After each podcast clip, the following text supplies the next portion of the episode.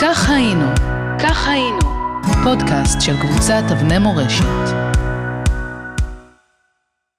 שלום לכם, כאן שוב אמיר שושני עם סיפור מספר 138 בסדרה כך היינו. והפעם הבאתי באמתחתי סיפור מזעזע שיסופר בשני חלקים. כבר אמרתי לכם שהכל אמת, כן? אוקראינה, אפריל 1920. חבית של דג מלוח ניצבה בחצר בית בעיירה טטייב. היא הייתה קטנה ומיותמת.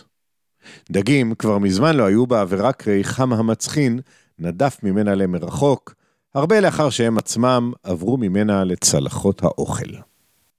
במקומם התקפל בחבית, מכווץ ומפוחד, יעקב בן השש, שראה דרך חרך קטן איך טובחים הפורעים ביום אחד שלושת אלפים מיהודי העיירה, ובכללם גם שמונה מקרובי משפחתו. את צרחות הכאב של 1,500 האנשים שהסתתרו בקומה השנייה של בית המדרש והוצתו למוות, הוא לא יכול היה שלא לשמוע. את בשרם מחרוך של אלה שקפצו משם אחוזי להבות ושוספו בחרבות הפורעים שהמתינו להם בסבלנות של ציידים על הקרקע, הוא לא יכול היה שלא להריח.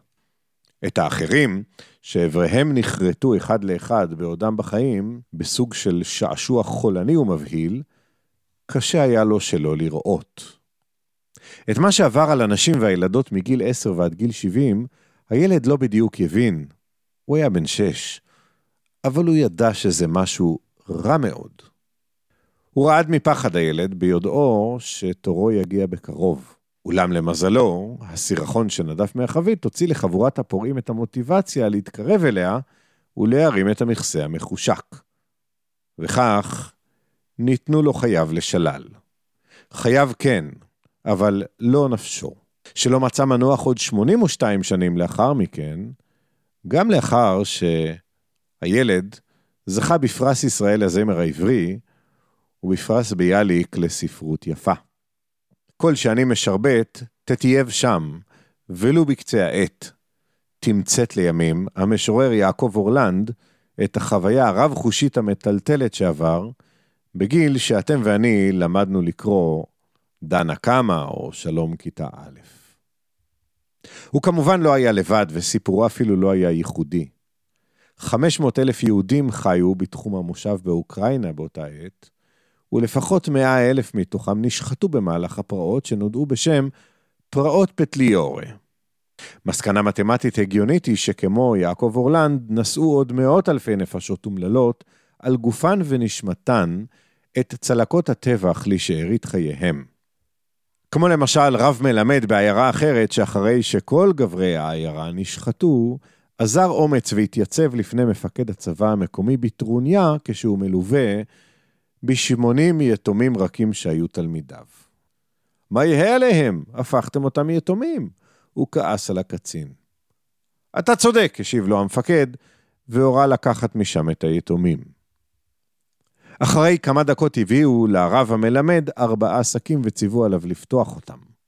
מתוכם הביטו אליו בהלם שמונים גולגלות של תלמידיו, שזה עתה נערפו מגופם. פריז, 25 במאי 1926. לשוטר שהגיע לזירת האירוע, התמונה הייתה ברורה לחלוטין. על המדרכה שכב אדם ירוי, גופו מפולח מחמישה כדורים, לידו עמד מישהו נרגש. כרגע הרגתי רוצח גדול, הוא אמר, והושיט לשוטר את אקדחו, ונאזק מיד. תחילת חקירתו של האיש נשמעה פחות או יותר כך. מה שמך? שמי שלום שוורצברד. אני יהודי על פי סבלותיי, ואני שען על פי מקצועי. הכרת את הנרצח? לא אישית, אבל אני ידעתי מי הוא. סמיון פטליורה, האחראי לאותן פרעות באוקראינה. אם טעיתי בזהותו, אתאבד במקום. תכננת את הרצח? בוודאי, חודשים רבים. גם עקבתי אחריו. התכוונת להרוג אותו? כן, בהחלט. איך הרגת אותו? בחמישה כדורים מאקדחי. רציתי לוודא שהוא ימות, את שני הכדורים העודפים יריתי אחר כך לארץ כדי שלא ייפלטו כשיעצרו אותי ויזיקו למישהו אחר. עורך הדין הנרי תורס שנזכר להגן עליו, על שלום שוורצברד, פחר את ידיו בעצבנות.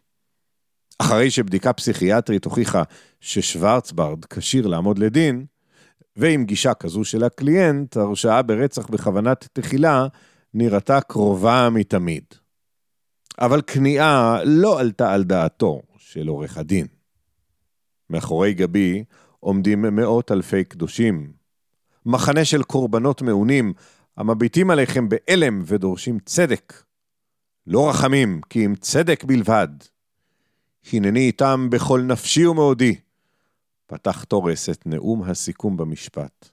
אגב, דומה להדהים לתחילת נאום הקטגוריה של גדעון האוזנר, שנשמע 34 שנים לאחר מכן במשפט אייכמן, לאמור, עמדי ניצבים כאן בשעה זו שישה מיליון קטגורים, אך הם לא יוכלו לקום על רגליהם. אהיה על כן אני להם לפה, ואגיד בשמם את כתב האישום הנורא, אמר האוזנר. ההשוואה בדיעבד הייתה מתבקשת. חיילי פטליורה לא יכלו להיות נאצים, כי מיין קאמפף נכתב רק ב-1925. הם היו אנשים בורים וחמומי מוח, נתון שרק הוא יכול להסביר איך הצליחו פטליורה וחבר מרעיו להשתיל להם את הסיסמה ההזויה, הרוג ביהודים והצל את אוקראינה. אבל באכזריותם החולנית, הם בהחלט התוו את הכיוון. הכתובת הייתה על הקיר, ומשלא עמד על המשמר אז, עתיד היה לשלם מחיר גבוה בהרבה כעבור 22 שנה, ב-1942. הנרי תורס השלים את סיכומי ההגנה, וחבר המושבעים במשפט הרצח של שלום שוורצברד, כמעט מחא לו כפיים.